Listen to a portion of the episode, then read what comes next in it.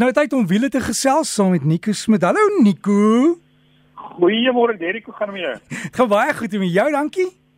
Baie goed, dankie. Weer 'n lekker naweek. Uh uh Formule 1 sien ek baie na uit, so dit is 'n uh, weet uh, baie lekker motorsport naweek wat voorlê. So jy's reg vir die Formule 1 hier in Suid-Afrika.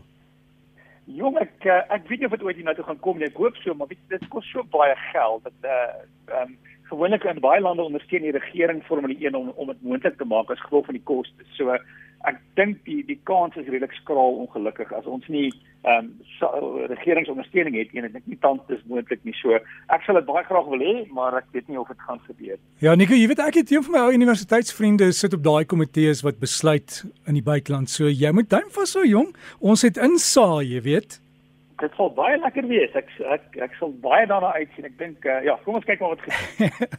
Hoorie, wat is op jou reisskedule vandag? Man, ek het mos huiswerk by jou laasweek gehad. Ek weet nie of jy onthou nie. Jy het ek... my huiswerk gegee om te kyk asseblief gee uh, kom ons kyk na die veiligheid van elektriese motors en uh, ek het toe met 'n vriend gaan praat sy naam is Brian Smith. Hy uh, het gewoonlik baie tegniese vrae wanneer ek nie meer weet nie wanneer my uh informasie wanneer my antwoorde uithardloop vra gewoonlik vir Brian. En Brian is ook deel van die brandweer so hy het vir lank by die brandweer gewerk en hy doen tans opleiding op karre tegniese opleiding um veiligheid en hy doen ook um selfs nou opleiding vir die brandweer so um omdat baie motorvervaardigers natuurlik 'n elektriese voertuie in die mark het is daar sekere uh, opleiding wat brandweer en nooddienste nodig het omdat daar 'n um, elektriese kar natuurlik uh, daar's hoë stroom betrokke by in 'n ongeluk. So dit kan wees dat daai situasie gevaarlik en natuurlik ook die tipe brande wat elektriese motors kan hê. Maar kom ons begin en as ek 'n um, uh, so stapie terugneem. Ek het ook nadat ons gepraat het oor die veiligheid, ek het 'n e-pos van iemand gepraat gehad wat vir my gesê het, um, hy het nou al 'n paar video's gesien waar elektriese motors brand en hoe gevaarlik dit is en en en, en is dit moontlik om om die brand te stop. So die eerste ding wat ek sou sê is mens moet maar altyd versigtig wees oor die internet. As ek byvoorbeeld nou net soek elektriese motors wat brand, dan kry ek baie video's en baie voorbeelde van dit. Ehm um, so ehm um, die die die eerste manier om te kyk hoe veilig is elektriese motors, so ek sê die beginpunt is Euro NCAP. Dis 'n webtuiste van 'n maatskappy in Europa wat uh, onafhanklik van die vervaardigers staan.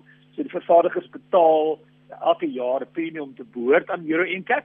Hulle koop dan die die voertuie self, die vervaardigers gee nie vir die voertuie nie. Hulle hulle doen botsingstoetse op die voertuie en dan gee hulle vir jou 'n uh, 'n uh, veiligheidsgradering en sê okay, hoe veilig is jou kar? Ek het gou-gou na 'n paar elektriese motors gaan kyk.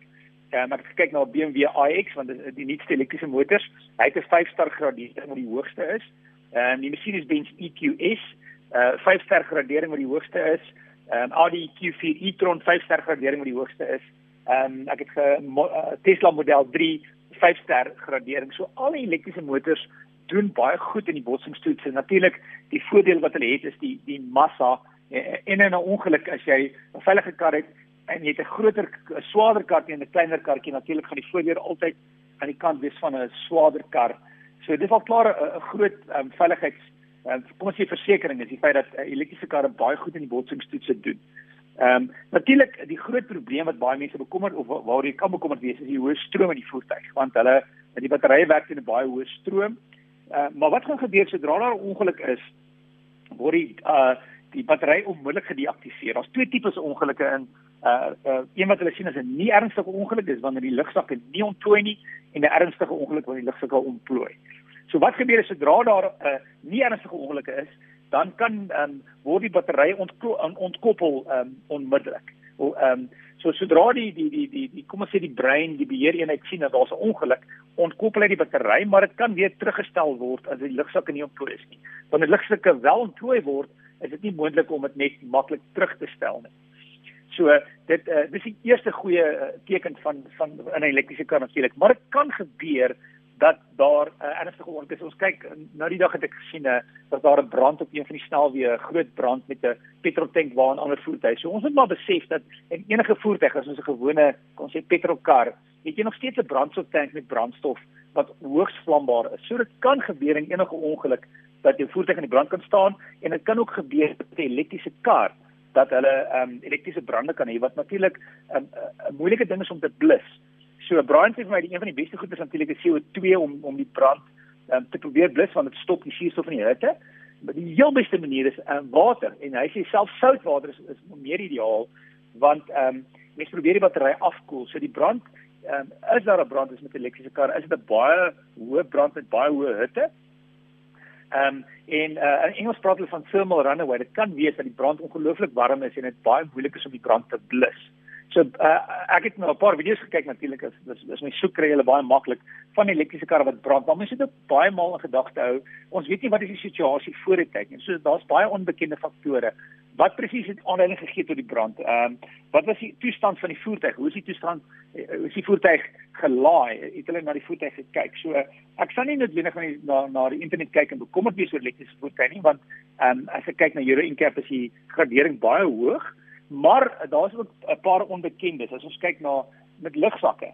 Toe vir eerste keer toe voet hy lugsakke gehad het, was daar baie onsekerheid oor lugsakke en hoe gevaarlik is hulle. Ehm um, en dieselfde nou met elektriese voertuie. Ehm um, selfs in Suid-Afrika nou word die brandweer ehm um, en en nooddienste word kry 'n spesiale opleiding van die vervaardigers hoe dit werk met elektriese karre maar omdat hulle anders is. Met ander woorde, ehm um, daar word nie net gekyk na die veiligheid van die karre nie, maar ook die mense by die wat wat dan reageer op 'n ongeluk. Hoe hoe kyk hulle na die swaar stroom? Wat moet hulle doen om om veilig te wees om 'n situasie veilig te maak? So ehm um, ehm um, dis die goeie ding van dit is definitief is die uh, voertuie baie veilig en baie word gedoen om om om jou as insittende van die voertuig baie veilig te maak. Is dit die lot? Dis die lot. Uh, ek het 'n vraag gehad ook wat ons kan antwoord. Uh, vinnig iemand anders het vir my gevra, weet jy wat, hulle voertuig staan um, elke dag buite. Hulle woon in die Kaap en die, die voertuig staan buite en natuurlik is daar 'n uh, 'n uh, uh, groot probleem met met met uh, hitte um, en vog in die Kaap. En en hy die persoon sê hy het iets wat hy oor die paneelbord gooi um, om om natuurlik te beskerm die son. Ek dink dit is altyd 'n goeie idee as jy voertuig te staan. Jy kry van hierdie blink, dit lyk soos aluminium folie.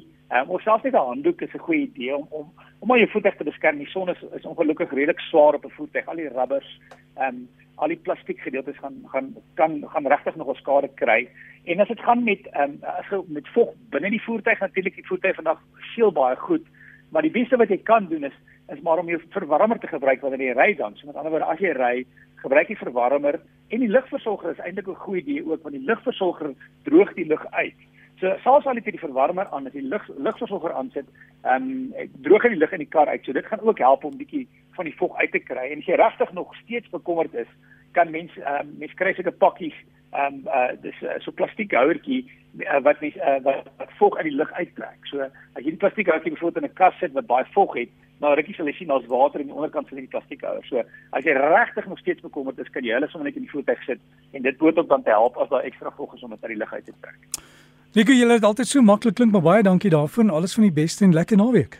Dankie, lekker naweek vir jou ook. Baie dankie aan Nico Smit. En as jy vir Nico wil kontak, onthou sy e-pos is wiele by rsg.co.za.